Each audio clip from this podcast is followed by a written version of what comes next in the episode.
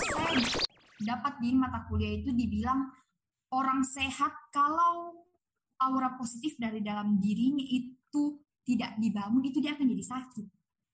Hah? Ya, karena uh, dalam dirinya kita itu sebenarnya kita punya kekuatan. Kita uh, biasanya kita sebut Selamat pagi, selamat siang, selamat sore, dan selamat malam Kembali lagi di podcast Bebas, Bebas, Bebas Halo guys, kembali lagi di podcast Bebas. Hari ini saya kedatangan narasumber yang bisa dibilang sangat berprestasi ya Di tingkat kuliah. Bagaimana? Tidak terlalu, oh, biasa-biasa sih Sebelum kita mulai percakapan hari ini alangkah baiknya bisa memperkenalkan diri narasumber hmm, perkenalkan nama saya Felicia Audrey. Biasa dipanggil Fel uh, angkatan 2019 Fakultas Psikologi Universitas Atmajaya Makassar. Oh dia dia anak Atma Jaya guys. Oke oke. Okay, okay. jadi Fel selama bisa dibilang setahun lebih lah di mau ya mau sedikit lagi dua tahun lah. Kita hmm. sudah mengadakan kuliah online ini. Bagaimana Fel? Menurut Fel ini kuliah online? Stres kah uh, atau lebih enak offline sebenarnya ada positif negatif positif negatifnya. Ya. kalau positifnya dulu itu mungkin kita tidak perlu capek-capek ke kampus. Karena kan uh, rumah aku sama kampus juga cukup jauh. Uh, terus juga kalau positifnya itu tidak uh, perlu susah-susah untuk takut jaringanmu tidak bagus atau uh, biasa itu kadang di dosennya kita sudah uh, bagus tapi di kitanya jelek jaringannya. Hmm. Kalau positifnya kan kita ketemu langsung. Ya, ya. Terus juga uh, biar bagaimana kalau offline itu lebih enak karena tetap muka jadi langsung dapat feelnya begitu kayak langsung bicara.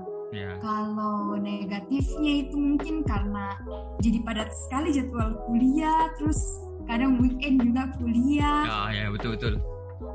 Terus apa di tugas juga kayak jadi tambah banyak. Padahal saya pribadi rasa waktu offline itu tidak terlalu banyak di tugas, tapi pas online banyak sekali tugas. Betul, Terus kalau stres mungkin pas awal-awal pandemi karena mungkin juga namanya kan kita manusia toh baru beradaptasi ya. jadi ya begitu nih susahnya tapi kalau sekarang mungkin mungkin masih tetap stres karena kan udah mungkin nih kuliah baru tidak stres cuman ya. lebih bisa lah mengatasi begitu ya. Kan kalau saya sih dapatnya dari apa ya kuliah online atau segala kan Vel juga ini salah satu masuk organisasi di kuliah ya. Kalau bisa hmm. eh kalau ke teman-teman tahu Vel masuk di BEM BEM psikolog ya. Jaya dia fakultas. Jadi yang yang saya tangkap itu dari online ini semua ya dosen kita pun sendiri itu seakan-akan semua itu dipermudah. Maksudnya seakan-akan semua itu dipermudah tapi ternyata tidak bisa eh tidak melihat kondisi yang lain gitu. Kayak contoh dosen oh kita kuliah hari Minggu. Gampang. Jam betul. 10 kita kuliah. Kita pun kadang kan anak organisasi kadang. Ya kita rapat hari Minggu jam begini. Bisa juga tiba-tiba baru jam satu siang tiba-tiba mungkin ketuanya kita tiba-tiba ya rapat jam 5 sore. Bisa? Pada sebenarnya sih ada sisi bagusnya tapi sisi negatifnya itu semua orang mempermudah. Jadi ada teman-teman yang kayak ah nanti pas saya masuk nanti saya masuk. Atau ah gampang lah gampang. Segala sesuatu jadi mudah sehingga kita juga jadi stres gitu. Karena kayak contoh tugas dikasih satu dua gampang sih memang tugasnya. Mungkin saya tidak tahu saya psikolog kalau saya pribadi gampang. Atau gampang mungkin ada teman-teman yang bisa ada teman-teman yang mendengar ini yang kadang copy paste saja ya.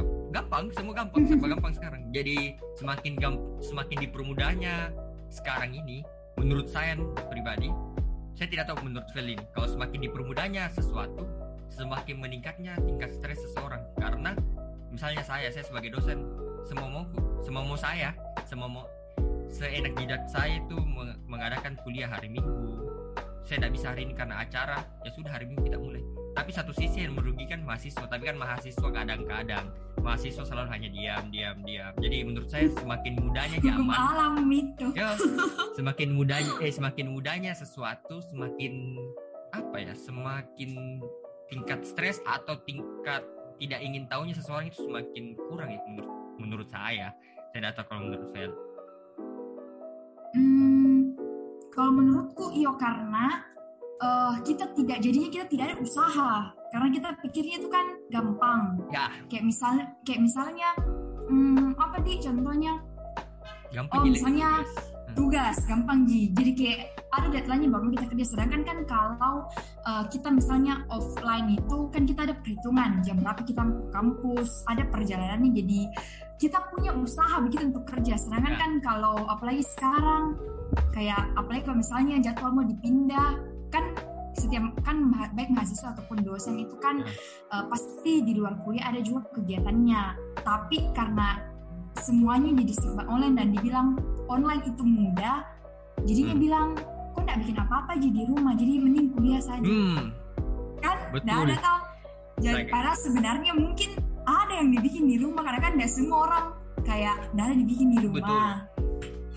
Kadang kan saya saya pribadi saya pribadi saya kan bantu orang tua jadi kadang sambil kuliah sambil bantu. Karena satu sisi apa ya kita juga jelaskan ke orang tua ngerti cuma tetap tetap disuruh. Tetap ada ada ada saja yang tiba-tiba eh, minta tolong minta tolong. Jadi saya pernah dari Makassar ke Parepare itu kuliah. Kuliah makanya saya kira kadang ya ya untungnya waktu itu dosennya tidak on cam jadi ya santai tapi kalau yang on cam waktu itu pernah juga di mobil jadi ya cukup berat lah di dunia online ini lebih baik secepatnya pandemi cepat selesai iya offline Ya oke, okay. langsung kita masuk ke poin pembahasan kita hari ini. Bagaimana Vel? Hmm, kita langsung bahas soal bagaimana sih menurut Vel, apalagi kan kita berdua ini orang yang tinggal di Makassar atau bisa dibilang Indonesia Timur lah, tengah Indonesia Timur lah kita ini. Indonesia Timur itu menurut menurut yang saya baca biasa masih baku, masih apa ya, masih belum bisa menerima seseorang pergi ke psikolog hmm, dan betul, mas betul. karena menurut mereka tanda kutip kau gila atau kau tidak normal kau tidak seperti orang lain yang hanya bisa apa ya tidak butuh tidak butuh ke psikolog aneh lah aneh lah pandangan orang-orang Indonesia Timur khususnya kita perkecil lagi kota Makassar lah kan kota Makassar terus sudah termasuk kota besar sudah bisa dibilang kota tapi pemikirannya kita masih kadang belum bisa beradaptasi dengan psikolog menurut Vel sendiri bagaimana sih bagaimana sih pandangan Vel soal ke psikolog itu? Apakah bisa dibilang gila atau apa? Apakah itu sebagian dari dokter atau bagaimana coba dari saya? Uh, kalau menurutku orang ke psikolog itu memang memang bukan hanya di Makassar bahkan mungkin Indonesia ya memang karena kalau kadang kita baca-baca kayak saya kan biasa ada tugas atau baca jurnal internasional apa semuanya pakai buku e-book yang dari luar yeah itu mereka memang terbuka dengan adanya psikolog. Sedangkan memang kalau di Indonesia, terus kok ke psikolog, kok kenapa? Ada masalah hmm. apa? Betul. Atau Aneh. bahkan ada yang sampai berpikir anehnya, ada mungkin yang sudah langsung judge atau cap temannya itu kayak ada gangguannya ini anak. Padahal ya. sebenarnya ya. bukan psikolog. Memang uh, waktu dulu juga saya awal-awal mas kuliah itu teman-temanku pada tanya kak kalau kau lihat kak kau bisa baca pikiranku dia pikir Terus, ada dukun uh, dia pikir saya pernah ya, setuju sih saya juga awalnya lihat anak psikolog itu kayak saya takut saya pribadi takut kayak kayak gimana ya, kayak kalau ketemu kayak ngeri bisa kayak dibaca. Jadi saya berusaha untuk menampilkan yang terbaik. Hmm. saya saya begitu akhirnya pada cerita-cerita akhirnya ternyata seperti itu. Padahal memang iya nggak seperti itu. Kita di psikolog itu kita juga belajar. Jadi bukan bilang misalnya saya lihat koma langsung saya oh koma itu orangnya begini begini begini. Bukan tapi kita belajar kita bukan baca. Yeah. ya karena kebanyakan orang itu pikir kita langsung dari kan memang dulu ada macam ilmu kalau kita di psikologi itu kita sebutnya pseudoscience itu memang yang dibaca dari misalnya bentuk tubuh atau bentuk wajah. Cuman karena berkembangnya zaman makin maju otomatis kan ilmu juga harus makin maju ikut yeah. zaman. Itu tidak lagi kayak begitu. Jadi kita lebih mempelajari perilaku. Nah dalam kita pelajari perilaku itu ada uh, asmennya lah cara-caranya sampai kita bisa cap oh dia ini seperti ini. Jadi kalau ke psikolog itu bukan langsung kita bilang uh, oh dia gila. Oh dia ternyata begini. Bukan. Ya. tapi uh, begini psikolog itu orang yang memang spesialisnya itu untuk mendengarkan dan memberikan solusi. Ya. karena tidak semua orang bisa dengar solusimu dan tidak semua orang bisa itu uh, menerima permasalahan yang kau hadapi. Ya betul betul. Jadi kalau ke psikolog itu uh, mungkin ada hal yang uh, kau tidak bisa tangani. Ada hal yang uh, menurutmu itu sudah sulit atau mungkin kau stres nah itu contohnya nah kalau orang contohnya waktu awal pandemi itu uh, ada seniorku mungkin karena itu sedang beradaptasi baru tiba-tiba tugas banyak juga itu dia sampai stres sampai dia jadi semacam uh, moodnya tuh cepat sekali berubah terus malam-malam dia suka uh, nangis terus kadang kayak uh, bagaimana nih sampai mungkin mungkin saking tertekannya atau stres itu ya sampai muntah-muntah pokoknya parah lah waktu awal pandemi. Itu kan kebetulan uh, dosen-dosenku semua itu psikolog. Itu dia konsultasi dengan dosenku apakah saya bisa apakah saya bisa bilang dia itu gila? Tidak dong karena buktinya sekarang dia sudah ya baik-baik sih. Jadi itu bisa bilang kalau ke psikolog itu uh, mungkin dia cuma butuh ditemani cerita. Mungkin cuma butuh didengar karena tidak semua juga orang bisa dengar apa yang kita alami. Betul, betul. ada yang uh, kita cerita tapi dia malah cerita balik yang dia rasa tidak mau jadinya kalah kan, kadang. Uh -uh, kayak ah, saya, kan, saya lebih menderita di dunia ini. Betul betul. Jadi kayak misalnya atau ada juga orang yang misalnya saya cerita terus dia bilang begini baru jadi begitu saya lebih oh. parah. Itu sebenarnya itu sebenarnya nggak bisa begitu. Hal yang paling kurang ajar dan tidak ya karena uh, kan orang semua tidak sama apa di uh, tingkat kekuatannya ya kapasitas dirinya begitu. Jadi itu nih kalau di psikolog itu uh, memang mereka tidak memberikan perspektif yang kayak begitu. Jadi memang betul-betul mereka uh, dengarkan mereka kasih solusi. Jadi uh, ke psikolog itu it's okay Ji. Bukan berarti kok dalam keadaan terganggu. Mungkin kok hanya mau uh, cerita atau mungkin kok hanya mau didengarkan atau mungkin kok mau cari uh, kan di sekolah itu juga sekarang berhubungan dengan pekerjaan. Mungkin kamu cari passionmu di mana atau minatmu di mana dalam bekerja. Uh, ini sekarang saya lagi kuliah, terus saya ada belajar mata kuliah namanya psikologi ergonomi. Itu kita belajar bagaimana cara kita ciptakan mesin atau alat atau apa pun itu yang bisa supaya ini uh, apa bekerja ini nyaman. Jadi uh, misalnya kalau aku ke psikolog itu baru aku nyaman dengan pekerjaanmu, dengan material yang kau pakai, kan kayak secara psikologis itu kan gak sejahtera. Pasti kayak malas kok kerja. Namun kok masuk kerja.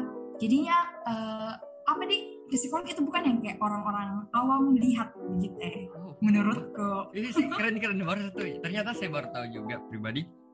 Ternyata ada yang mempelajari hal seperti itu. Mungkin pernah sih dengar kalau di ekonomi pribadi yang selalu orang bilang kan saya pribadi SDM yang saya teliti itu bagaimana pengaruh tata ruangan ternyata iya saya juga belajar itu. Oh, saya baru tahu. Oh, oh iya iya iya. Kan saya kemarin ajukan judul ada dua pengaruh warna ruangan dengan pengaruh tata ruangan. Saya tidak pikir ternyata masuk psikolog dan baru saya sadar jadi itu masuk psikolog juga. Betul betul. Tapi yang saya garis bawah itu yang tadi yang kayak Vel bilang kayak apa ya? Kayak mungkin lah teman-teman teman-temannya yang pendengar ini ada yang bilang kayak sebegitu ji begitu yang kelewati. Misalnya contoh kayak saya saya A. Saya saya saya paling menderita di sekarang lah. Saya sekarang saya tidak tahu kenapa orang-orang kalau cerita berlomba-lomba mau jadi yang paling menderita di dunia ini.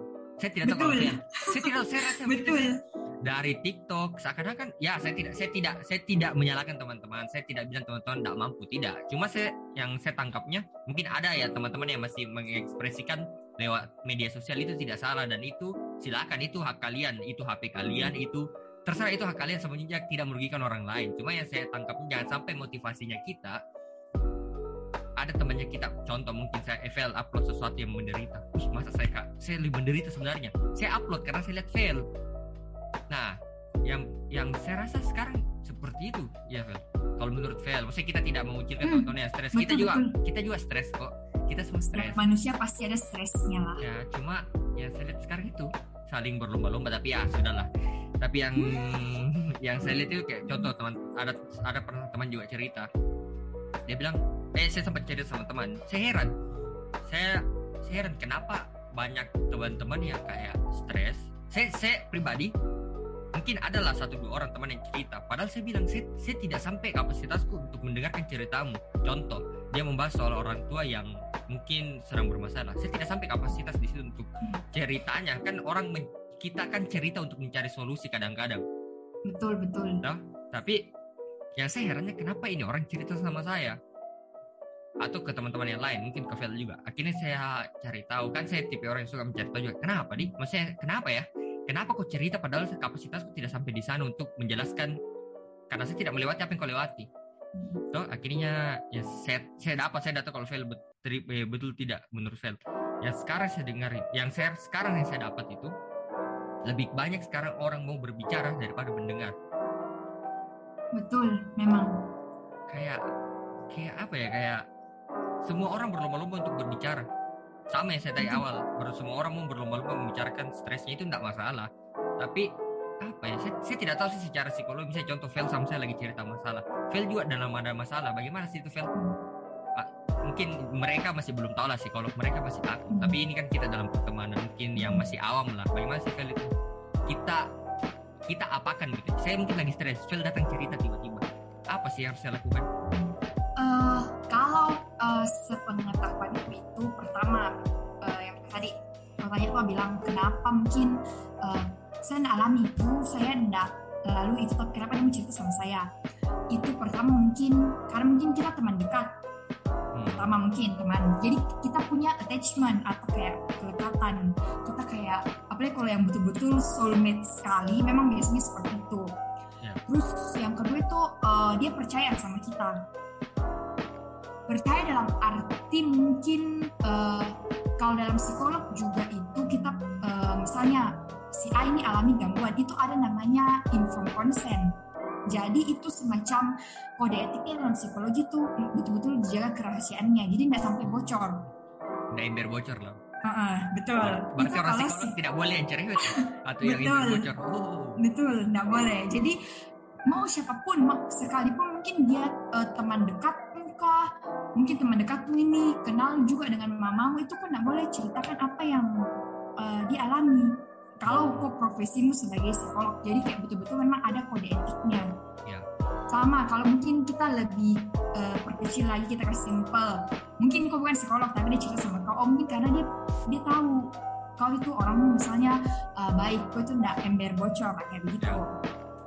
Tapi kalau misalnya aku sudah ada sampai kapasitas gimana misalnya aku kayak ya aku solusi tapi mungkin masih ini temanmu kayak masih kesusahan. Pasti kan kita sebagai teman juga kita pikir kayak ih kita pasti ada lah kayak naluri untuk ih bagaimana bisa bisa bantu temanku?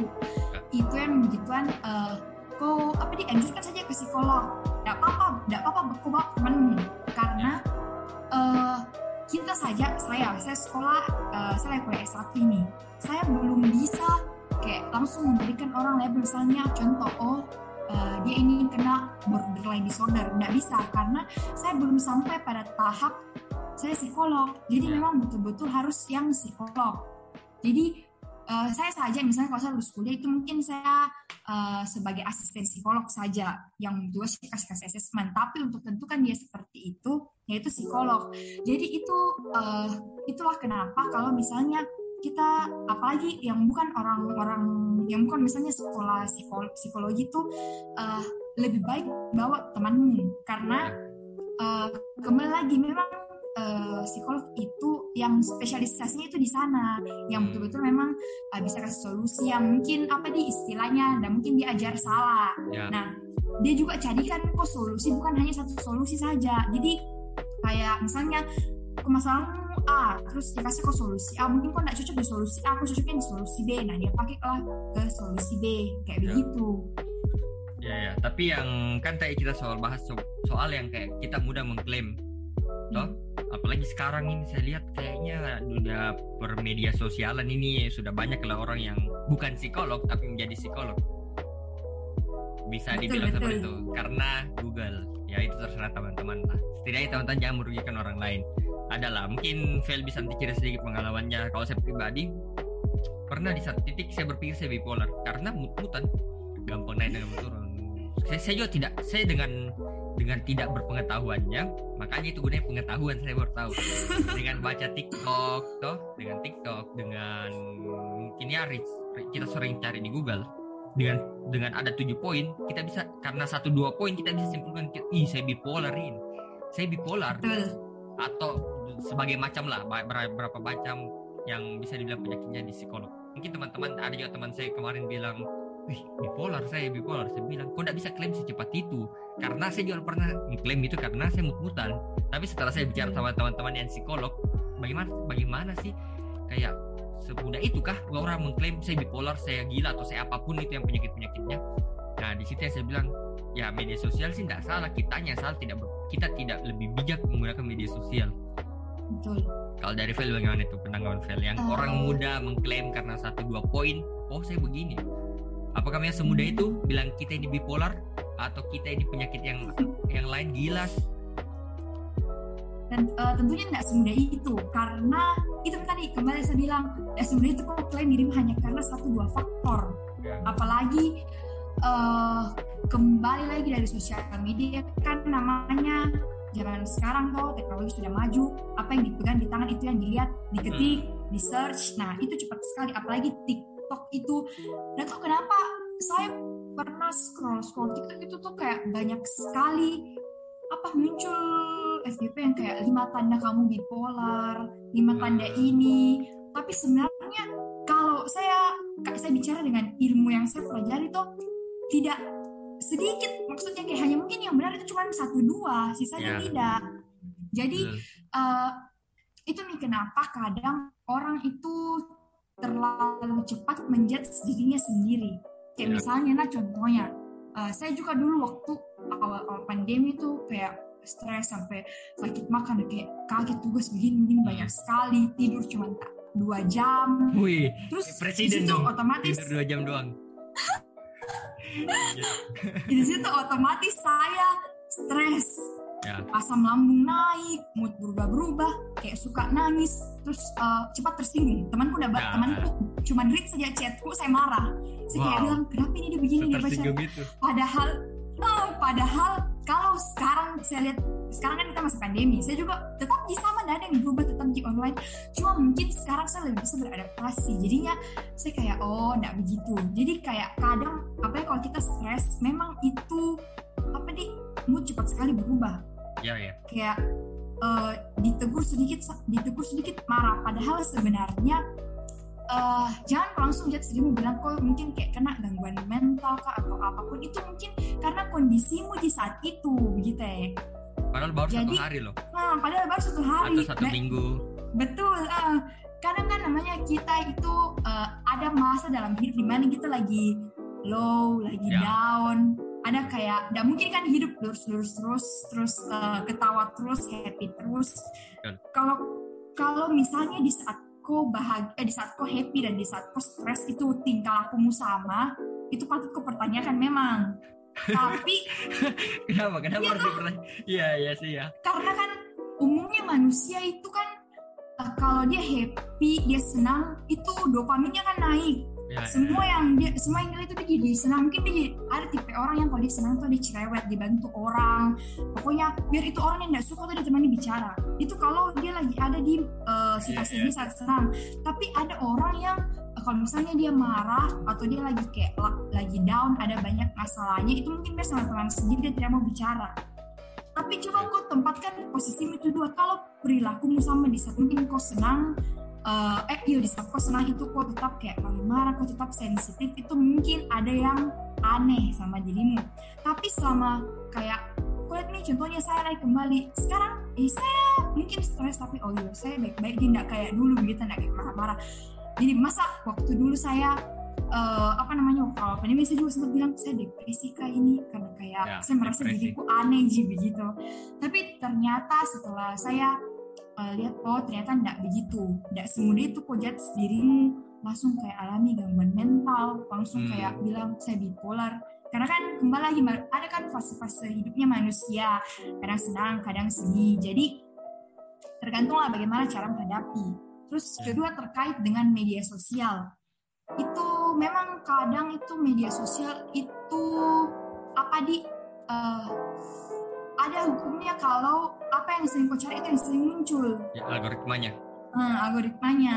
Jadi uh, oh ya kebetulan juga ini saya ketemu mata kuliah baru namanya cyber psychology itu memang berbicara tentang psikologi di ruang maya di internet ya. itu memang uh, di situ ditekankan dibilang uh, karena sebenarnya mungkin tuh dirimu baik-baik ji cuma ya. karena terlalu banyak kuliah di internet apa-apa secara langsung itu kok konsumsi. Dan itu masuk di alam bawah sadarmu kayak gitu.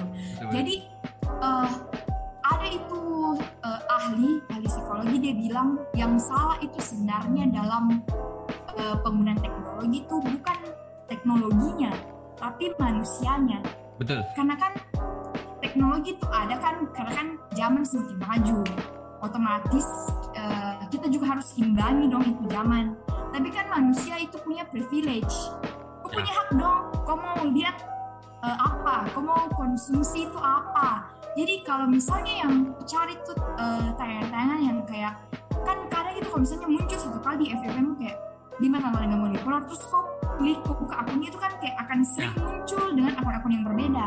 Betul. Nah itu hal-hal seperti itu yang lama kelamaan secara kok langsung kok kayak apa di merasuk ya di pikiran gitu ya kayak pikiran hanya seperti itu saja. Jadi uh, ada baiknya memang uh, kadang itu kita rehat atau kita istirahat sejenak dari media sosial. Yeah. Karena nggak semua yang di media sosial itu yang dia tampilkan itu bagus gitu. Kalau mungkin kau penasaran toh dengan dirimu, uh, bilang, ih kenapa saya begini, ih kenapa saya begitu, atau mungkin kau lagi di quarter life crisismu, itu menurutku nah lebih bagus uh, webinar-webinar gitu ya. Daripada kau scroll hal yang belum tentu juga itu 100% akurat. Kan yeah. sekarang banyak nih juga kayak apa di webinar yang free gitu akhirnya yeah, yeah. saja yang begituan begituan kayak uh, ada ada ini dalam rangkan waktu tanggal 10 barusan itu kan hari kesehatan mental sedunia ya ya, ya tanggal berapa lagi tanggal 10 10 ya 10 ya betul, Nah, itu kan ada dari HIMSI. HIMSI itu himpunan psikologi Indonesia. Itu mereka adakan webinar. Dan itu selama berapa hari itu di kalau saya salah ingat. Pokoknya uh, yang tersedia itu tuh 62 narasumber dengan topik yang wow. berbeda. Uh, uh, jadi kayak kalau misalnya kau penasaran kok ikut nih kau lihat yang mana sesuai dengan dirimu gitu ya. Kalau menurutku seperti itu tapi Vel ya kembali lagi nih soal yang tadi kita awal membahas soal mudah terlalu mudah semuanya. Yang saya tangkap sekarang saya paling suka yang selalu mungkin mungkin bisa saya sambung juga. Eh, banyak pembicara atau banyak dosen atau banyak pemuka agama selalu bilang begini menonton satu menit video Instagram. Ya, pemuka agama sebanyak menonton satu menit video di Instagram seakan-akan dia sudah jadi mungkin kalau di komunitasnya kita pendeta. Dia baru nonton nih satu video nih wih jadi betul. Kita tidak boleh begini. Akhirnya satu menit ini bisa dia dia bisa apa ya se, sepengetahuannya itu sekecil biji nasi tapi seakan-akan dia tahu banyak banget. Itu ya itu tidak itu juga saya ya itu. Saya pernah di posisi itu saya tidak saya tidak saya tidak bilang teman-teman saya pernah di posisi begitu baru nonton satu video contoh soal psikolog. Saya bisa langsung kayak weh kita kita itu harus begini begini begini. Sekarang kan saya tahu semuanya padahal baru sebiji beras begitu ya padahal masih banyak satu karung yang harus saya tahu banyak yang bisa kita klaim. Nah ini yang, yang mungkin saya ya soal kebijakan bermedia sosial juga. Yang mungkin secara tidak sadar yang yang satu menit kita nonton itu seakan-akan kita tahu segalanya. Makanya mungkin apa ya sekarang orang lebih senang menurut saya saya datuk kalau file dari psikolog sekarang orang lebih senang mencari hal-hal yang mudah. Kayak contoh satu menit nonton oh iya betul ini betul loh psikolog ini betul. Padahal masih banyak yang harus di research. Kan apalagi betul, betul. saya pernah cerita juga sama eh, kebetulan kayak saya dokter saya cerita saya begini kayaknya saya sakit ini Ya karena aku bisa simpulkan itu saya lihat di Google. Sama psikolog, saya, saya lihat di Google. Dan tidak, tidak bisa harus di research dulu, harus diperiksa sama kayak psikolog juga harus diperiksa. Tapi yang saya muta, yang soal tadi fail bahas soal musim kehidupan. Kalau di psikolog memang ada juga kan kalau kita di ajaran agamanya kita tahu ada musim-musim kehidupannya kita. Di psikolog juga ada seperti itu. Misalnya setiap kita punya momen ini, setiap satu tahunnya ada musimmu. Ada tidak? Uh, Atau apa bahasanya gitu? Hmm, dia bukan ada cuma memang pada dasarnya kehidupan manusia itu seperti itu coba nih kalau kita lihat sekelilingnya kita ada nggak kita pernah ketemu orang yang hidupnya senang-senang saja kalau hmm. mungkin ada itu mungkin pasti dari luarnya ji ya, kita lihat betul, betul, betul. dalamnya kita tidak tahu. Karena semua namanya juga manusia. Semua pasti kita manusia itu berlomba-lomba kasih lihat apa yang terbaik. Betul. Saya rasa saya rasa tidak ada orang yang suka kasih lihat kelemahannya. Ya. Kan semua pasti kelebihan. Sama nih kalau uh, apa nih? Kalau dibilang musim hidup memang setiap musim hidup itu kita begitu. Itu yang tadi saya bilang quarter life crisis itu memang ada saat-saat di mana hidupnya kita itu lagi ada di masa kayak begitu. Kita mungkin bingung mau bikin apa atau kan kita bertanya apa guna aku ada di dunia? Ya sangat itu betul. itu itu quarter life crisis kita kayak begitu kita atau mungkin itu biasanya kalau yang begituan itu biasa terjadi memang di usia-usia remaja. Biasa dari peralihan uh, masa kanak-kanak ke remaja atau kadang juga uh, dari remaja masuk ke dewasa awal. Kayak hmm. begitu. Jadi memang apa sih kan namanya juga anak-anak. Dia masuk remaja itu kayak sesuatu yang kayak lebih besar nih begitu kapasitasnya. Mungkin tanggung jawab itu juga dikasih ya. lebih besar. Jadi itu kadang orang sering bertanya uh, apalagi kalau misalnya nah hmm, contohnya itu biasa kalau kita SMA terus kita kuliah. Terus awalnya ini tuh misalnya contohnya kita kuliah oh kuliah misalnya yang penting uh, misalnya ada gelarku dulu kayak gitu. Tapi kadang itu di pertengahan-pertengahan kuliah itu orang kebanyakan suka pikir kalau saya lulus media apa di atau ya. mungkin uh, habis lulus SMA itu orang suka kebanyakan nah uh, dari kayak jurnal-jurnal yang saya baca begitu karena kan kita di sekolah kayak banyak sekali bahan bacaan ya, ya, ya.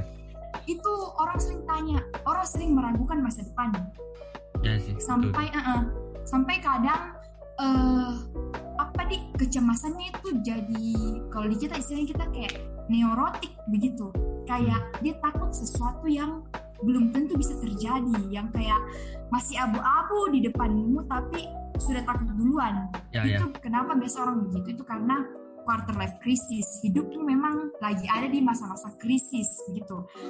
Terus uh, kapan itu harus saya ikut webinar juga? Uh, ada yang bertanya ke pembicara narasumbernya psikolog bilang kenapa kadang ada orang tua yang uh, berada di masa quarter life crisis? Padahal seharusnya nah uh, kebanyakan lah ya alami quarter life crisis itu remaja kayak umur umur kita begitu. Ya, ya. Karena masih ada orang tua yang begitu. Itu mungkin karena uh, ada hal-hal di waktu-waktu masa-masa mudanya begitu masa-masa dunia itu kayak tidak terselesaikan di kita kalau kita di psikologi lah uh, kita itu semacam uh, dalam teorinya kita ada kita percaya namanya alam sadar atau unconsciousness. Jadi apa-apa itu korip korepresi ke dalam dirimu.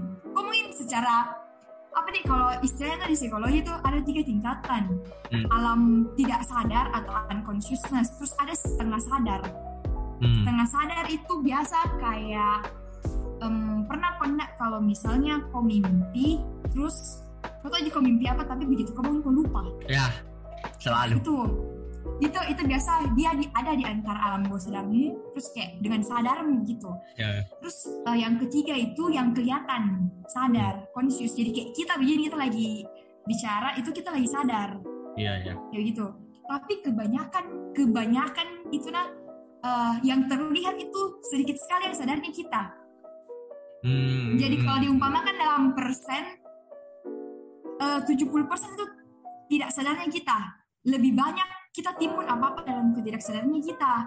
20% yeah. itu yang setengah sadar, 10-nya itu yang sadar.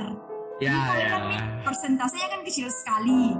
Mm-hmm. Nah, jadi itu kenapa kadang ada orang yang uh, apa di dia lebih banyak apa mungkin yang kayak dia tidak sadari itu karena dia apa dia mau cuma mungkin dia tidak berani mengungkapkan misalnya jadi kayak yeah. dia repress ke dalam dia repress ke dalam jadi uh, kalau mungkin misalnya toh kayak dibilang dia mungkin mutan. Mungkin lah ada mungkin dua hari yang lalu atau tiga hari yang lalu ya secara dia nggak sadar dia pun ungkapkan. Tapi kayak tertimbun ke dalam dirinya. Jadi itu makanya uh, apa di kita ya sebagai manusia uh, jangan suka jatuh dirinya karena 10% diri dari dirinya kita yang sadar sebenarnya. Menurut hmm. psikologi kayak begitu. Ya sih betul betul, betul. Setuju setuju setuju. Tapi yang saya tangkap dari maksudnya mungkin lah ini kan edukasi buat teman-teman juga mungkin Vel juga masih belajar lah pasti banyak, hmm. banyak belajar. Saya juga baru sadar bu. Saya juga pribadi baru sadar kayak kan mungkin lah kita hitung setahun yang kayak Vel juga bilang 10% kita sadar. Tapi teman-teman tidak tahu teman-teman kan semudah itu kan semudah itu mendapatkan sesuatu semudah itu juga kau akan menjudge dirimu. Serba mudah lah sekarang. Jadi apa ya kayak saya baru sadar saya baru tahu ternyata saya juga baru nge ternyata mungkin lah kita semua tahu kalau bahasa awamnya itu musim-musim kehidupannya kita. Saya juga baru tahu ternyata kita harus sadar kita punya masalah krisis. Apa yang namanya? Quarter life crisis. Ya itu.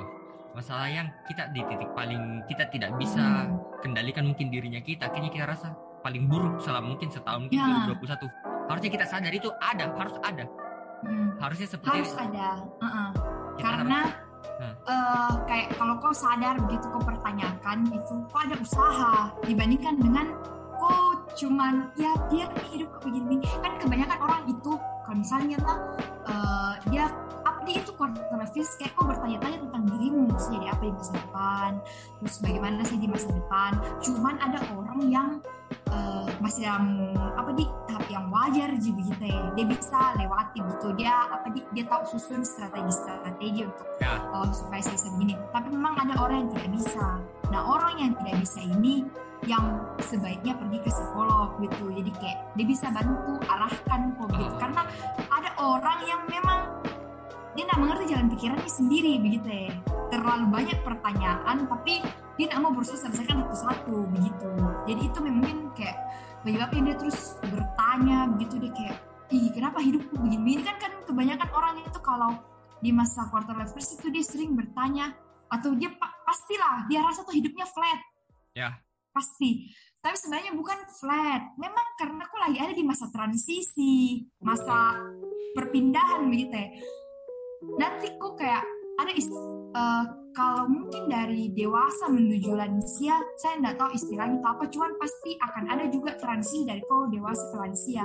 Pola hidupmu mungkin berubah kau uh, kau bukan mi anak-anak kau bukan mi uh, dewasa awal tapi mungkin kau sudah berkeluarga terus ada yang melihat tanggung jawabmu. Jadi pasti kayak apa di hidup memang begitu karena hidup berjalan.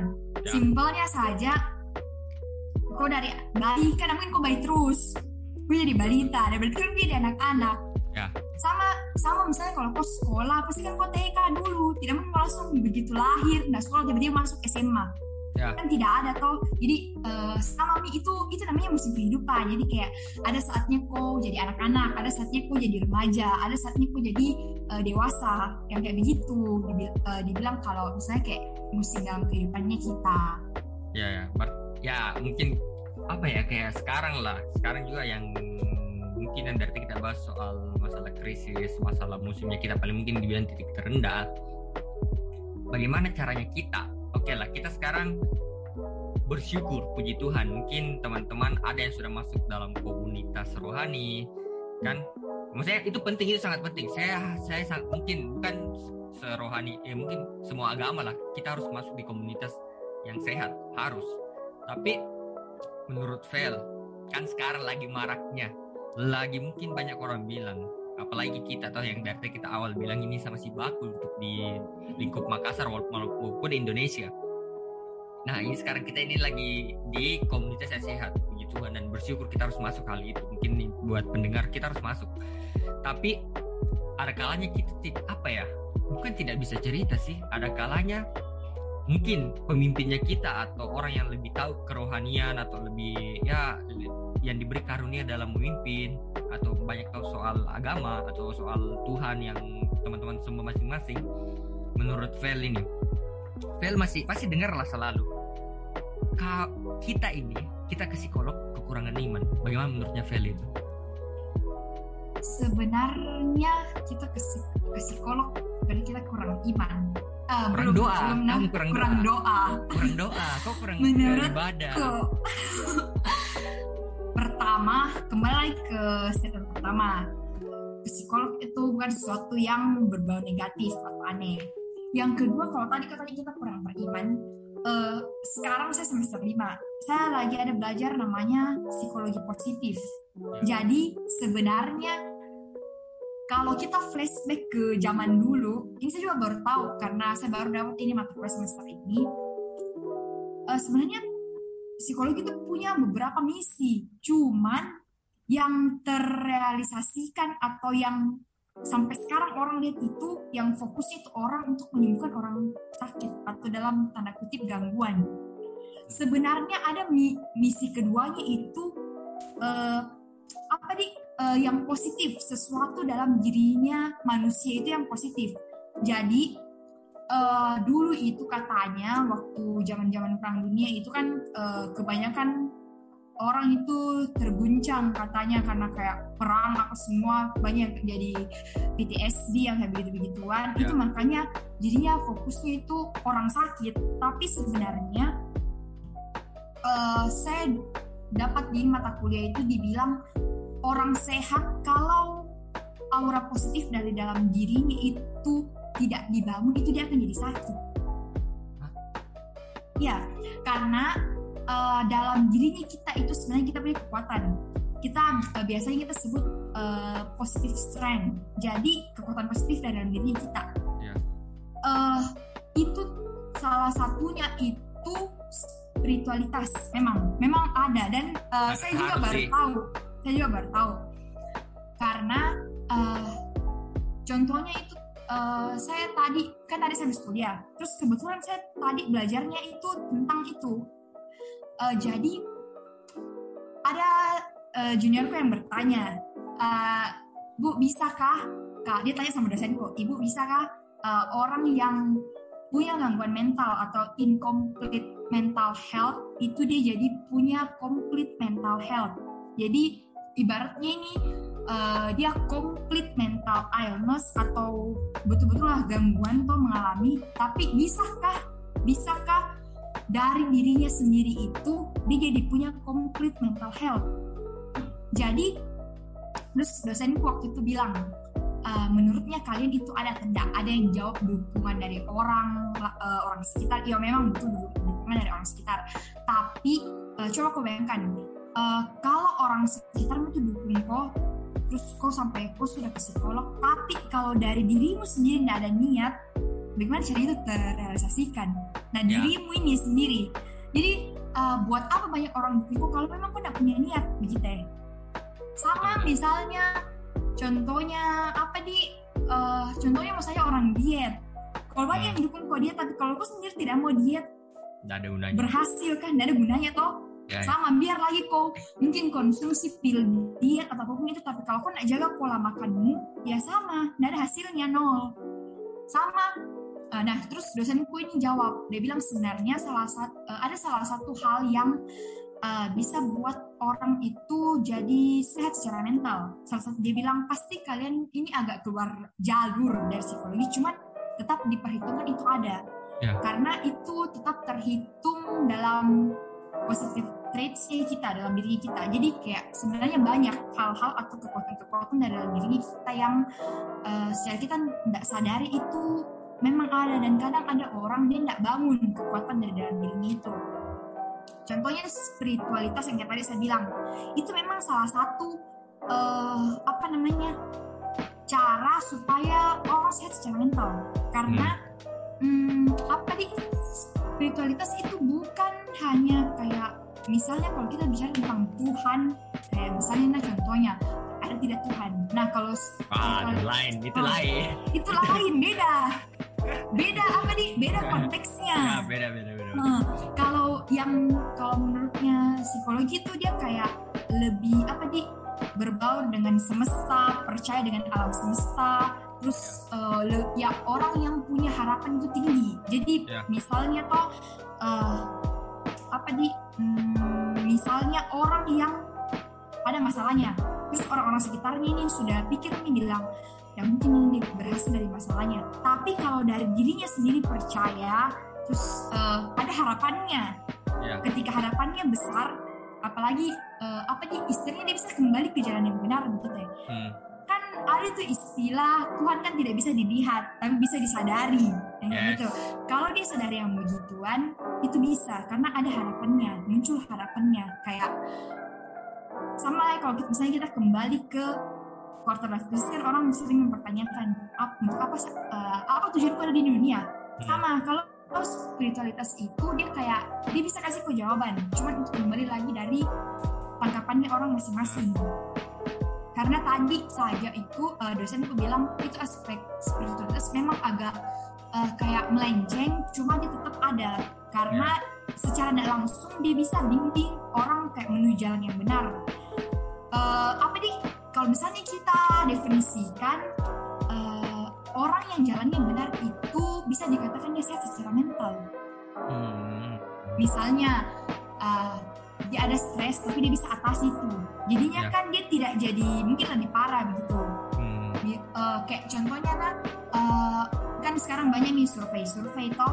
Kayak waktu saya juga sempat isi kayak semacam apa di itu nih tes uh, kekuatan dalam diri. Itu ada itu namanya uh, kalau dosen bilang via karakter atau apalah itu.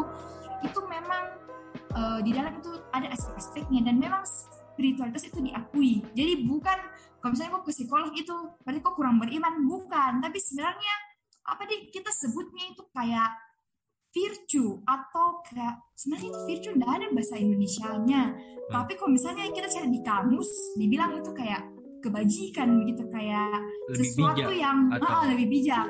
Hmm, ya ya yang kayak begitu. Betul, jadi betul, betul.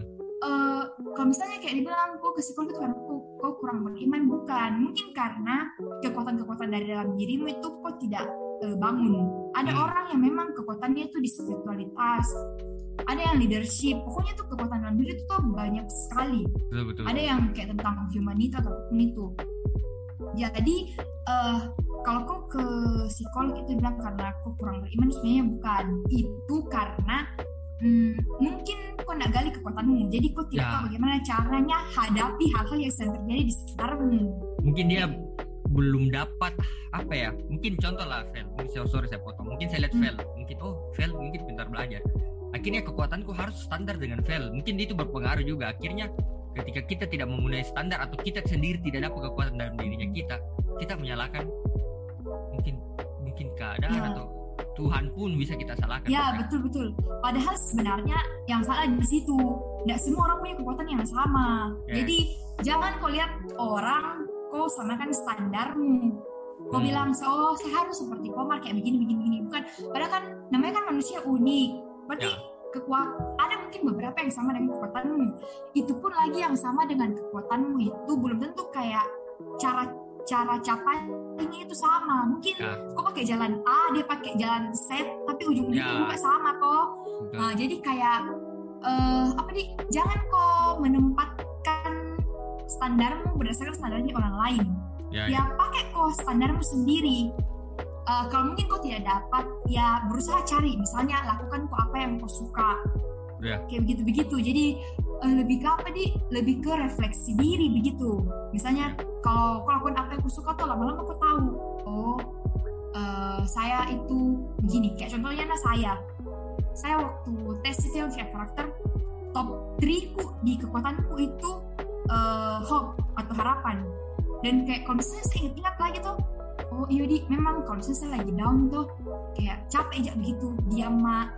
Terus sebentar tuh paling kan apalagi uh, kita di komunitas yang sama uh, terus uh, kita kayak juga uh, sering ibadah di gereja atau itu uh, saya nggak bilang ini tentang gereja ataupun Kristen tapi saya rasa semua agama itu pasti diajar umatnya yang baik toh ya.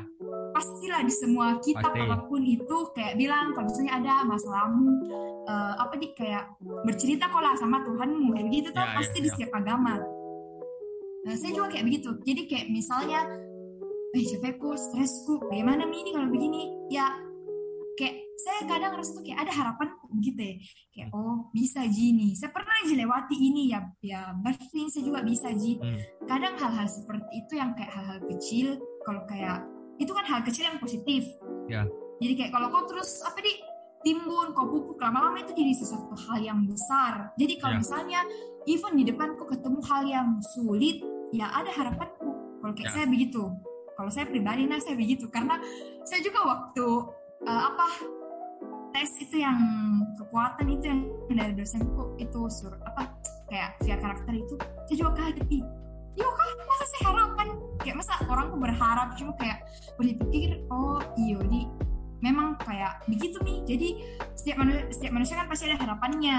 Tapi yeah. kalau harapanmu tuh kok anggap di sepele itu nih kalau di kau saja anggap dirimu sepele gimana caranya orang lain di sekitarmu yang dukung kok baru kok tidak mau bangkit jadinya kan jatuhnya itu dibilang kayak kurang beriman padahal bukan. Cuma kayak dari dirimu ji kok mau yeah. bagaimana? Ya, kalau saya kalau menurutku begitu nah bagus sih kayak mungkin dari yang Fel bilang kayak tes orang. Maksudnya teman-teman mungkin yang mendengar sebaiknya tes begitu tes. Mungkin ada bukan lagi mungkin ada sangat baik positifnya. Mungkin kayak mungkin kayak contoh Fel yang selama ini tidak pikir bahwa dia punya kekuatan itu harapan. Ketika dia tahu oh harapan ada sisi positif yang kayak ketika dia mungkin ketika Fel down itu ada pasti lah kayak kau itu orangmu yang berharap. Ada pasti ya, secara betul, tidak betul. sadar uh, ada kecil. sadar.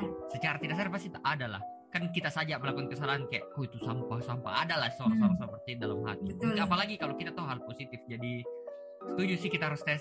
Maksudnya mungkin di mana sih mungkin di internet atau di mana kalau mau tes begitu? Uh, kalau saya ada di internet. Kalau tidak salah itu free. Banyak juga orang bisa tes. Cuman kalau salah via karakter namanya itu. Atau itu saja uh, ada itu yang 16 tipe kepribadian yang ENTJ itu kan banyak di internet. Dan itu memang kayak apa nih secara umum begitu. Cuman uh, itu lagi kembali lagi. Kalau misalnya kayak kontes begituan bukan 100% langsung. Ya. itu nih dirimu itu cuman apa di gambaran lah. Kalau memang betul-betul yang yang kamu tahu ya itu nih pergi ke psikolog. Karena kembali lagi cuma psikolog yang bisa begitu itu pun lagi kayak ya tidak sampai 100% lah begitu. Karena banyak asesmen-asesmen yang aku lakukan gitu. Ya banyak sekali prosedurnya. Betul betul. Karena kalau kita juga ikut begitu mungkin lah ada satu hal yang baik tapi kadang mungkin terkadang orang juga terlalu berlebihan mengambil sesuatu. Kayak contoh intinya segala sesuatu yang berlebihan itu tidak baik lah. Betul. Percaya harus percaya oh ya saya berharap. Hal yang baik tidak salah dan tidak dan tidak melanggar hukum Tuhan kok. Kau percaya hal itu kan Betul. hal yang positif dan bisa feedback. Yang penting tidak terlalu mungkin kalau saya bilang tidak terlalu berekspektasi ya Vel. Betul betul. Yang kayak uh, apa di? Berimajinasi itu boleh. Dan boleh. harus. berkhayal itu boleh. Ini namanya kan impian. Ya. tapi kalau itu nih kayak tadi kau bilang segala sesuatu yang berlebihan itu tidak baik. Karena uh, dalam psikologi saja itu itu sangat apa nih sangat ditekankan begitu ya kayak yang berlebihan itu tidak baik hmm. uh, apa nih uh, kalau itu saja saya ada belajar juga mata kuliah namanya uh, psikologi adiksi hmm. kan ini kalau kita dengar adiksi itu kan pasti kayak narkoba. misalnya narkoba minum alkohol merokok seks apalagi ya. di pokoknya yang tapi uh, ada juga yang positif yang berlebihan misalnya kayak orang workaholic orang diet. Hmm. kan banyak itu orang yang awalnya motivasinya oh ya saya harus kerja oh ya saya harus diet supaya saya hidup sehat. Tapi lama-lama kan ujung-ujungnya tidak bagus tuh karena kayak terlalu berlebihan betul betul betul betul. Betul ya. Ya saya ya mungkin ya saya pernah eh biasa bilang makan apel pun berlebihan tidak baik. Jadi apa intinya apa ya buat teman-teman mungkin yang kayak saya juga bilang dari tadi yang saya tangkap kayak mungkin mengetak apa ya mungkin saya pernah lihat juga di diriku saya tipe orang yang suka bertanya sama diriku. Saya senang sekali kayak saya senang bertanya kayak oh saya kenapa di saya kenapa kok saya bisa begini? Saya cari faktornya saya ingat kenapa bisa? Saya tipe begitu. Puji Tuhannya karunianya dapat itu jadi kadang saya senang bertanya akhirnya oh puji Tuhan dapat begitu. Saya pernah di titik yang merasa puas. Kayak yang tadi Vel bilang banyak super system.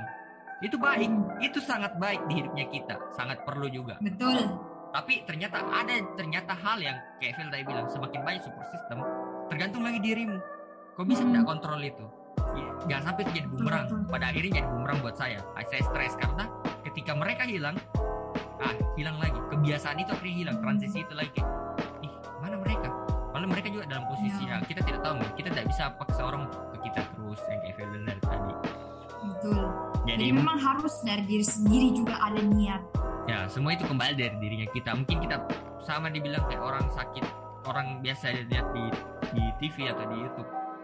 Orang sakit ke dokter orang sakit jiwa pun ke dokter. Tapi tergantung kita lagi. Misalnya contoh orang kanker dia harus jaga makannya tapi kalau kita jaga ya sudah tetap aja begitu. Sebaliknya kalau kita ke psikolog ya kita harus ikuti mungkin strateginya kayak oh begini. Tapi ya secara mungkin saya bisa bilang kan kita juga punya strategi yang kita oh bisa mungkin saya pakai begini. Ya betul. Uh, setiap dari kita itu apa di kan memang manusia unik. Jadi masing-masing orang itu strateginya mungkin beda. Ya. Tidak uh, semua orang itu sama walaupun misalnya kayak tujuan akhirnya itu sama tapi kan hmm. cara capainya itu beda-beda.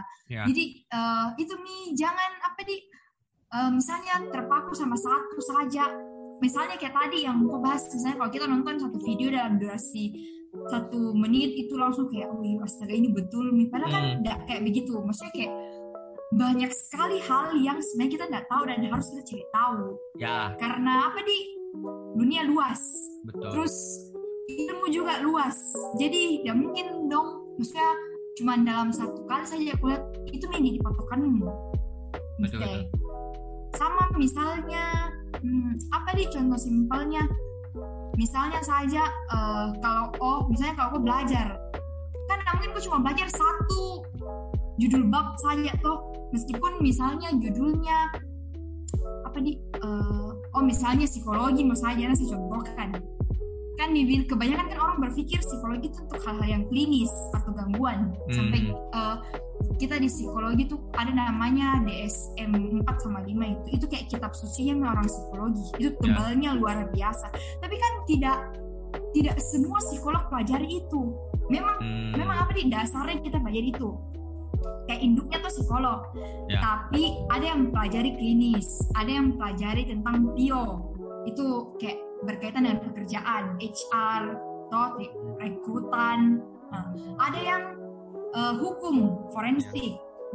Terus uh, itu nih terus sekarang ini yang lagi marak-maraknya sekarang itu cyber psychology. Oh iya, iya betul betul. Uh, toh uh, jadi kayak apa nih satu di tujuannya memang cuman banyak uh, yang bisa kau lihat.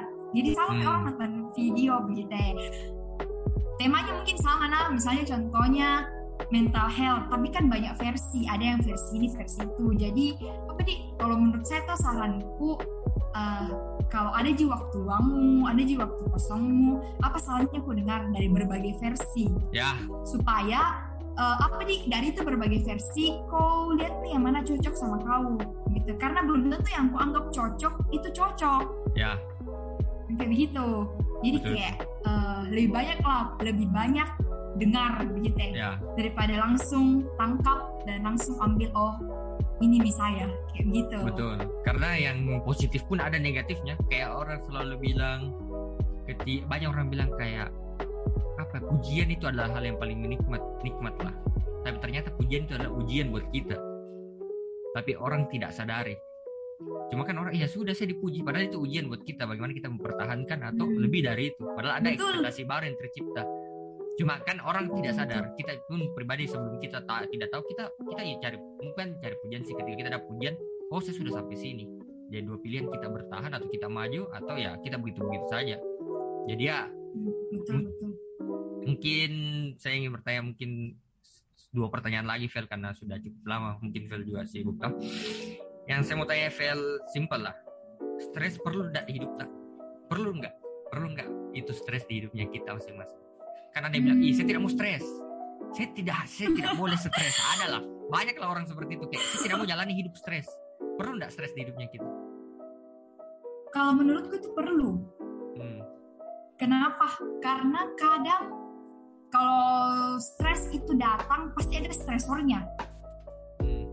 Misalnya nah contohnya uh, kalau aku dikasih tugas terus kalau mungkin dibilang toh tugasnya dikumpul minggu depan. Dalam tujuh hari misalnya toh dalam tujuh hari enam hari ini aku pasti bersantai-santai. Kayak ada di besok. Buat apa kerja sekarang kenapa harus kerja sekarang kalau ada hari esok? Ya, oh, ya nggak begitu begitu tapi coba begitu kok sampai di hari terakhir yang di mana misalnya jam 12 malam sebentar itu harus kumpul itu pasti stresornya datang. Pasti ya. kok stres. Kok cari lah kok cari lah temanmu minta jawaban dulu atau wih gimana kok dapat ini? Wih catatanmu dulu wih apa apa ibu ini bilang tadi mak uh, kemarin malam? Tim pelajaran itu namanya itu kok sudah stres gitu. Cuman secara orang itu sering kok bilang stres kalau susah sekali pi Ya.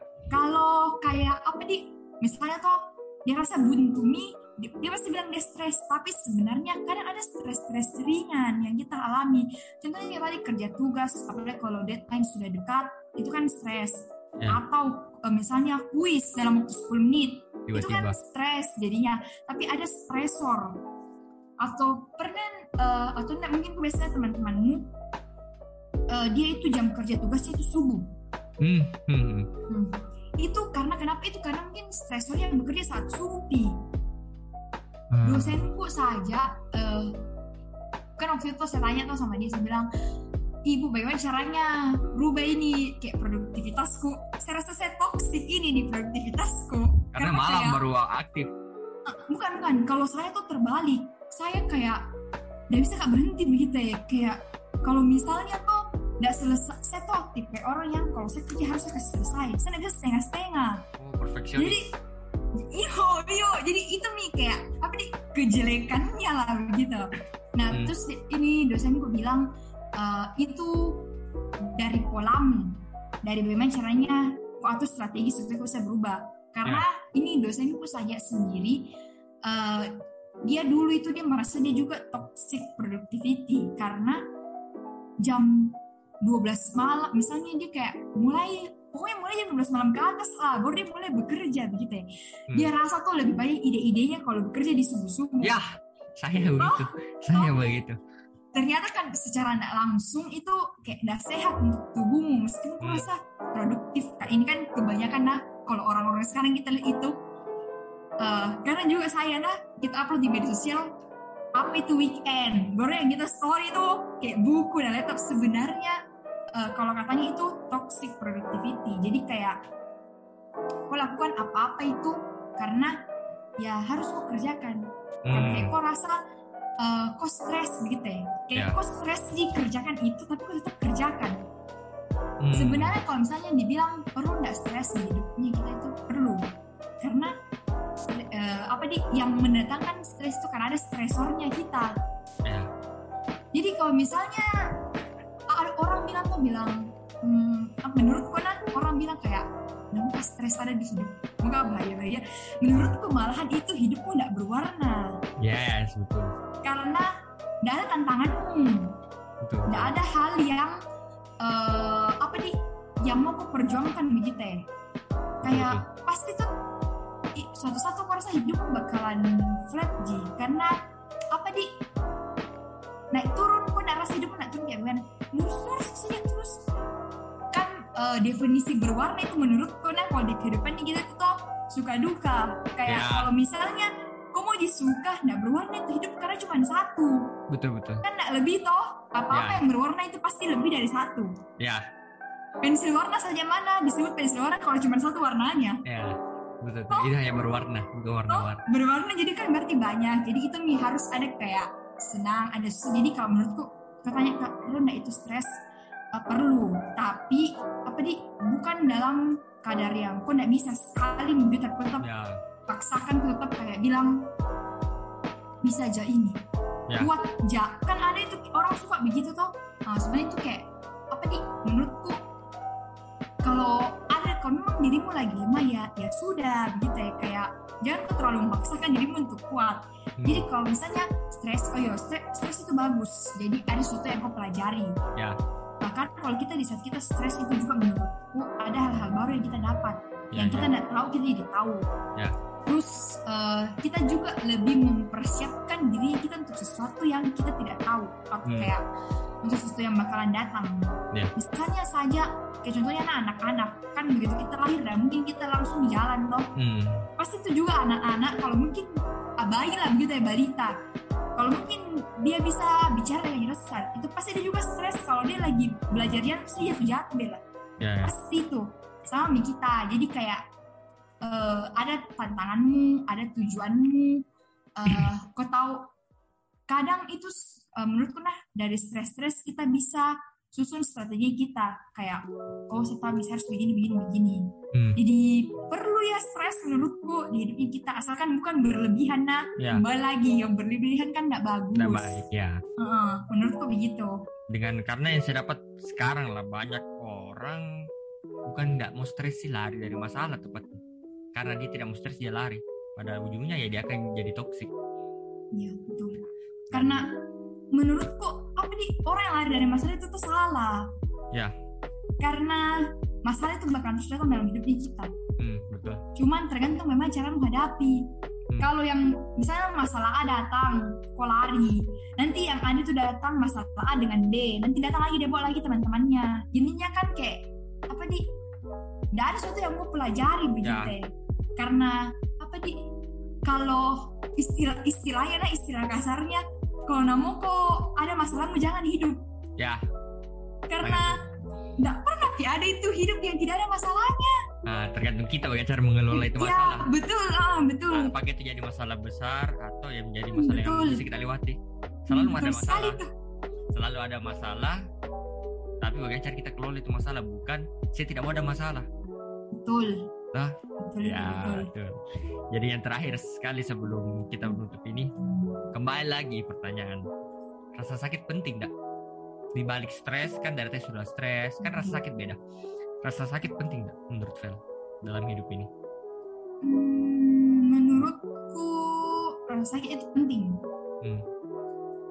uh, orang yang tidak pernah misalnya nah contohnya itu orang yang tidak pernah alami rasa sakit itu dia tidak tahu yang namanya berjuang. Hmm. menurutku. Ya. karena itu itu rasa sakit itu sama dengan stresor. Hmm. Orang normal itu dia bakalan cari caranya bagaimana caranya atas rasa sakit. Contohnya nah kalau misalnya kok luka pasti kan secara tidak langsung kok berinisiatif. Misalnya oh saya cuci dulu lukaku saya obati misalnya saya perban. Itu kan supaya mengatasi uh, apa di mengatasi rasa sakitmu. Yeah, yeah. menurutku. Kalau misalnya kayak kok tidak mau? Ada tuh rasa sakit. Ya sama lagi. Itu kembali kayak musim-musim hidupnya manusia begitu. Yeah. kadang down. Kalau percaya karena kalau aku lagi dan pasti aku rasa sakit. Hmm. kalau aku lagi happy ya aku rasa itu sakit. Betul betul. Cuman kalau aku pernah alam misalnya oh sama lagi bisa kita kaitkan loh dengan kayak tadi kalau misalnya aku tanya kenapa itu uh, orang percaya sama saya saya tidak pernah alami itu uh, kejadian tapi dia mau cerita sama saya itu karena mungkin dia percaya uh, kok bisa di apa di istilahnya bukan menyembuhkan tapi kayak ya setidaknya lebih baik lah kalau dia cerita hmm. terus kalau misalnya nah, berbicara kita pribadi kita misalnya alami rasa sakit kita tentunya jauh lebih bisa menguatkan orang ya. dengan cara yang berbeda uh, pikir misalnya nah kayak kembali kembali kita tanya sama diri kita masing-masing. Bagaimana caranya caranya kau mau kuatkan temanmu? Misalnya lagi kesusahan kalau kau tidak pernah alami kesusahan. Ya. Kayak begitu. Begitu sih sebenarnya simpelnya. Jadi kalau lu tanya uh, perlu nggak rasa sakit? Ya perlu. Pertama supaya kita tahu uh, apa itu berjuang. Kayak apa nih orang? Kalau misalnya kok nggak pernah alami rasa sakit itu kayak kok atau daya juang gitu ya? Kok hmm. ya biasa-biasa saja. Dari sesuatu yang uh, kau mau capai. Hmm, terus uh, habis itu kok juga uh, tidak bisa kok jadi apa nih solusi untuk temanmu gitu. Jadi kadang misalnya uh, kau pernah nih alami bukannya lebih baik kalau misalnya ada temanmu toh kayak kau bisa kasih saran meskipun mungkin di kau itu bekerja tapi di temanmu tidak itu kan setidaknya tuh uh, ada masukan begitu yeah. ya terus uh, rasa sakit itu kayak ajar kita untuk selalu bersyukur bah sangat betul menurutku karena apa di ini juga berikan bersyukur atau gratitude toh itu juga salah satu uh, positive traitsnya kita sebagai manusia. Hmm. Jadi kalau uh, apa di semakin sering kita bersyukur, semakin uh, sehat mentalnya kita. Karena ya. uh, secara tidak langsung gitu kayak biar hal kecil yang kau syukuri begitu toh uh, itu itu bisa bilang kayak kau tidak sadari tapi ada sesuatu yang kayak keluar gitu kayak oh simple aja misalnya kayak oh terima kasih untuk hari ini kayak begitu toh atau mungkin tuh kayak simpelnya begini uh, kau bantu orang terus itu orang kayak berterima kasih sama kau kan kayak kadang ada orang misalnya uh, dibilang kan biasa itu budayakan kata tolong sama tolong, maaf. Kalau maaf sama apa? terima kasih. Ah terima kasih ya. tolong terima kasih. terima kasih ya. Sama yang kayak begitu. Jadi kalau kayak aku bilang terima kasih. Kau bilang terima kasih ke orang toh. Nah itu orang kayak oh iya itu orang senang. Ya. secara mental juga itu kesenang karena kan e, bersyukur itu uh, gratitude. Jadi kok apa di istilahnya tuh uh, meskipun kok lagi susah uh, kok tidak akan rasa itu susahmu gitu ya. Kok tahu aja bilang kok susah. Cuman itu secara tidak langsung tuh jiwamu mungkin lebih tenang gitu menurutku. Jadi kalau aku bilang itu rasa sakit itu kok lebih jadi lebih tahu bersyukur. Iya karena kan kau pernah rasa. Jadi ya. misalnya uh, hari itu misalnya tuh hari itu ada masalahmu. Terus kok kayak lebih mudah aku bersyukur karena aku bilang oh iya biarpun ini masalahku sekiranya misalnya ini masalahku tidak serumit yang kemarin. Hmm. Kalau misalnya aku begitu aku kan bersyukur ya. otomatis ya. ada harapanmu ada kayak apa di uh, kayak kekuatanmu untuk buat kau mampu lewati masalah yang kau hadapi Ya. Begitu Ji sebenarnya menurutku. Betul. Jadi apa di jangan kau lari dari rasa sakit Bite. Sama gila, ya kan, namanya saya manusia toh mana bisa terhindar dari rasa sakit. Hmm. Betul, betul, Rasa sakit kan banyak macam toh. Misalnya dari perasaan atau secara fisik, fisik. secara kata-kata. Ya. Jadi kayak apa nih? Tergantung lah bagaimana caramu untuk mengelola rasa sakitmu betul menurutku kayak gitu kalau saya menurutku rasa sakit itu pernah saya tulis ada saya tidak bisa bilang lah no, saya pernah tulis di salah satu media sosial saya bilang nanti dicari bahaya nanti ditahu no, saya pernah tulis saya rasa sakit itu cara ninja sang sang pencipta untuk buat kita bersyukur betul, tergantung betul, tergantung perspektifnya kita tergantung cara pandangnya kita lihat ini masalah sebagai apa. Ya oke okay lah kita semua punya masalah besar masing-masing. Saya ada teman-teman yang mendengarin masalah bagaimana. Tidak ada yang kecil tidak ada yang besar menurut saya. Tergantung kita melihat itu. Saya paling suka saat tuh statement stand up comedy. Dia bilang begini ketika masalah kau lihat dari dekat itu kan jadi masalah. Tapi ketika masalah kau lihat dari jauh itu kan jadi lelucon. Kan begitu. Ketika kau sudah lewati masalah itu jadi lelucon betul tidak? Yolah pasti ada kayak dulu. Iyo betul lah, betul betul betul. Karena saya juga pernah ngerasa begitu. Kita cerita kita dengan senang hati cerita kayak, eh saya pernah begini loh. Jadi lucu.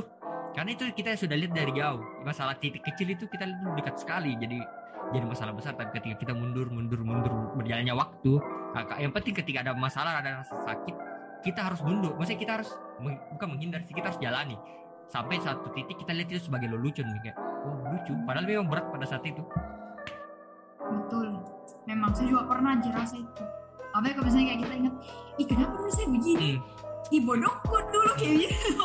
Hah? betul. Itu kayak jadi lucu ya buat terakhir Vel jadi Vel harapan Vel ini untuk jam terbesar lah. Untuk teman-teman yang pendengar lah.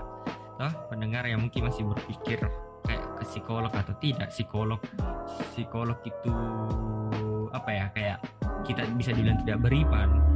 Mungkin untuk Phil sendiri banyak apa sih maksudnya Phil mungkin kasih pesan buat teman-teman yang pendengar ini apa yang harus mereka lakukan ketika mereka stres atau mereka betul-betul sudah buntu? Hmm, kalau saya nah pertama otomatis ubah mindset nih kita. Hmm. kalau mindsetmu hanya sebatas sekolah aku ke sekolah karena aku takut dicap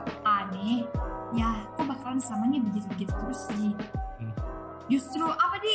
Uh, kalau misalnya kau berani bikin yang berbeda selama itu baik orang pasti banyak yang ikut. Ya betul. Jadi kayak it, kayak apa di? Uh, it's okay sih kalau misalnya aku ke psikolog toh. Terus sampai sekarang aku baik-baik ji. Hmm. menurutku nah jadi apa di? Jangan takut begitu ya. Karena memang selama ini orang itu kalau saya juga bingung ya kenapa orang kalau kayak tanya psikolog pasti tuh kayak bilang peramal lah dukun lah. Saya saja saya saja pergi ke ke restoran toh terus ada temannya pak cikgu tanya kau sekolah apa? Saya bilang oh saya kuliah jurusan apa? Psikologi. Langsung dia bilang ke saya tuh kayak kulit ini muka aku apa yang saya pikirkan? Wow Padahal saya kayak bukan begitu. Jadi kayak apa di uh, belajar berkembang untuk sesuatu yang baru. Ya. jadi kayak itu mengubah mindsetmu tentang psikolog. Terus uh, apa di jangan kok selalu anggap dirimu terlalu kuat. Hmm. namanya manusia. Makhluk sosial. Butuh orang lain. Psikolog kan itu manusia yang memang tugasnya membantu orang lain. Jadi apa di it's okay sih kalau misalnya kok lagi stres kok lagi down lagi nggak bisa ya ke sana gitu ya uh, terus apa di uh, jangan takut kalau misalnya stres datang atau rasa sakit datang. Kan cenderung orang takut toh. Uh, jangan justru jadikan itu kayak apa di anak panah yang buatku lebih baik begitu ya. karena percaya karena orang-orang yang uh, apa di yang pernah alami rasa sakit itu akan jauh jadi orang yang lebih hebat begitu. Ya. Maksudnya kalau misalnya aku nggak bisa hebat untuk uh, sekitarmu, ya minimal untuk dirimu sendiri. Ya. Sama juga misalnya kayak kalau kau mungkin belum bisa pimpin orang lain ya dirimu yang kau pimpin. Ya. Kayak begitu.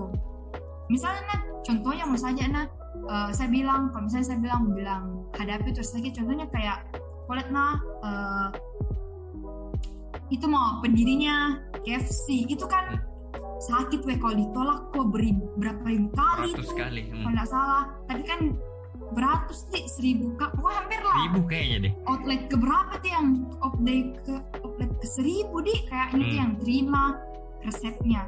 Terus sekarang kan kulit nih kayak jadi hebat sekali ki. Itu kan ya. apa? Karena rasa sakit yang dia alami hmm. gitu ya.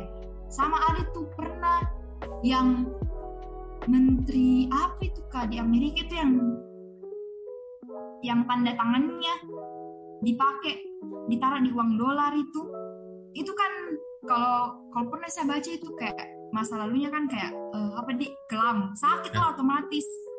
Kalau nggak salah uh, dia lahir di luar nikah terus kayak pokoknya susah lah hidupnya. Ya. nah hal-hal seperti itu kan yang apa di yang buat dia termotivasi. Jadi ya.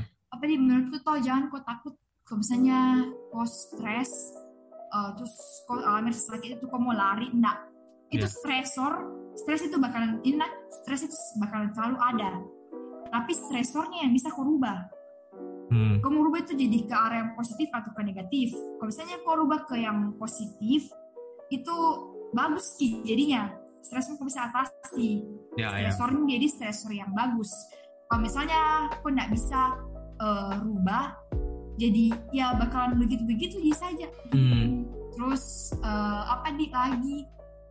Paling terakhir diri diri sendiri lah. Ya. kalau saya. Karena kebanyakan kan orang uh, media sosial targetnya dia kayak orang lain pasang standar kayak orang lain. Ya. terus apalagi di pokoknya segala sesuatu itu tergantung bagaimana publik lihat dia begitu ya, ya itu yang sebenarnya uh, buat kau tidak bisa tunjukkan dirimu yang sebenarnya. Hmm. setengah mati lah istilahnya di. Kau terus pakai topeng begitu ya? Yeah. jadi uh, dapat apa tunjukkan dirimu yang sebenarnya gitu. Namanya kan manusia toh wajar stres wajar rasa sakit wajar kadang kita berada di quarter life crisis kita itu semua hal yang wajar ji. Selama kayak kau masih bisa diatur kau masih bisa aturlah dirimu sendiri begitu semua itu jadi bakal wajar jadi yeah. terus apalagi tuh oh anu uh, hadapi kok masalahmu jangan lari dari masalah yeah. karena kalau kau lari itu apa di lari dari masalah akan menyelesaikan masalah betul. Malahan tambah banyak di masalahmu ya. kalau dari saya itu aja saja. Ya kalau dari saya pribadi kan soal fail tadi bilang yang stresnya kita itu kita mau bawa ke mana positif negatif. Yang kayak selalu orang bilang pisau bisa membunuh pisau bisa memotong buah. Semua yang mungkin yang saya simpulkan hari ini seperti itu ya Phil kayak bagaimana kau tahu kekuatan dirimu? Ketika kau mengetahui kekuatan dirimu kau tahu ini gunanya apa. Ketika kau tahu pisau gunanya untuk memotong buah kau akan potong buah bukan membunuh tapi kalau kau tidak tahu ini pisau gunanya apa kau akan tusuk orang. Ketika anak kecil pegang pisau dia bisa tusuk orang. Kan dia tidak tahu ini gunanya apa. Nah betul, mungkin betul. mungkin yang saya tangkapnya hari ini dari setiap kita harus tahu potensi atau kekuatan dalam dirinya kita supaya kita tidak menyalahgunakan kekuatan itu. Toh? Dan yang kedua yang saya tangkap soal ketika kita ke psikolog ketika kita ke tempat teman mungkin yang kayak profesi pekerjaannya psikolog itu tidak salah. Kita sebagai makhluk itu sebuah pekerjaan lah. Psikolog itu orang yang bekerja orang yang memang sama dokter. Dia sama dokter cuma jangan sampai teman-teman berpikir bahwa kita ini orang yang tidak beriman. Tiba-tiba mungkin dari awalnya kalian merasa kalian tidak beriman pada ujungnya kalian akan bertanya soal Tuhan. Janganlah. Betul-betul jangan nggak tidak usah bertanya tidak usah bertanya hal yang tidak penting. Kayak contoh saya mau ke psikolog. Ada yang teman yang bilang mungkin teman yang mungkin yang baru ih tidak beriman. Kok tidak beriman jadi manusia awalnya kau rasa ketika orang mengklaim kau tidak beriman akhirnya pada ujungnya kau bertanya oh saya di Tuhan di mana? Akan pasti akan timbul pertanyaan-pertanyaan aneh yang padahal kau cuma mau menyelesaikan masalahmu. Pada ujungnya kau bertanya soal Tuhan. Nah itu lebih baik kalian pergi. Kalau temannya kalian bilang aneh ya sudah lakukan yang berbeda. Kayak Feli bilang kalau ternyata ya, kalian betul. lebih baik nanti mereka akan ikut kok. Setidaknya kalau Ahok selalu bilang jadilah ikan salmon selalu mengambil lawan arus kan tidak salah. Betul. Kecuali kau tiba-tiba hal-hal yang negatif salah ini tidak. Kan ini tidak salah. Jadi terima kasih buat Vel hmm. pengalaman-pengalamannya bercerita hari Sama-sama. ini, edukasinya. Sehat-sehat Vel sekeluarga, cepat eh, lulus kuliah. You, thank you. Eh, amin. tugasnya. Oke. Okay. Oke. Okay. Terima kasih Vel. Makasih. Eh sehat-sehat buat teman-teman semua yang sudah mendengar. Ditunggu podcast selanjutnya. Terima kasih. Thank you.